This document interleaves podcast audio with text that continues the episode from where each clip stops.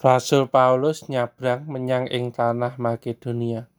Sajroning njajah ing kutha-kutha iku Rasul Paulus lan Silas padha masrahake pancasane para rasul lan para pinituwa ing Yerusalem kalawan piweling supaya diestokno.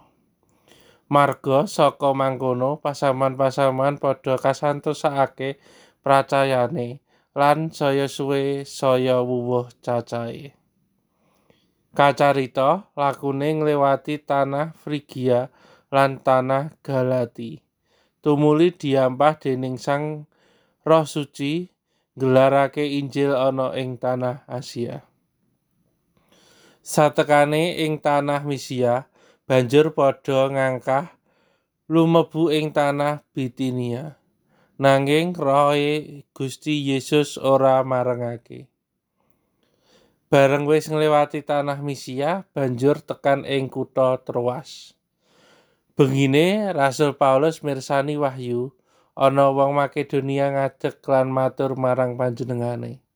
Panjenengan kula aturi nyabrang mriki saha mitulungi kula sadaya.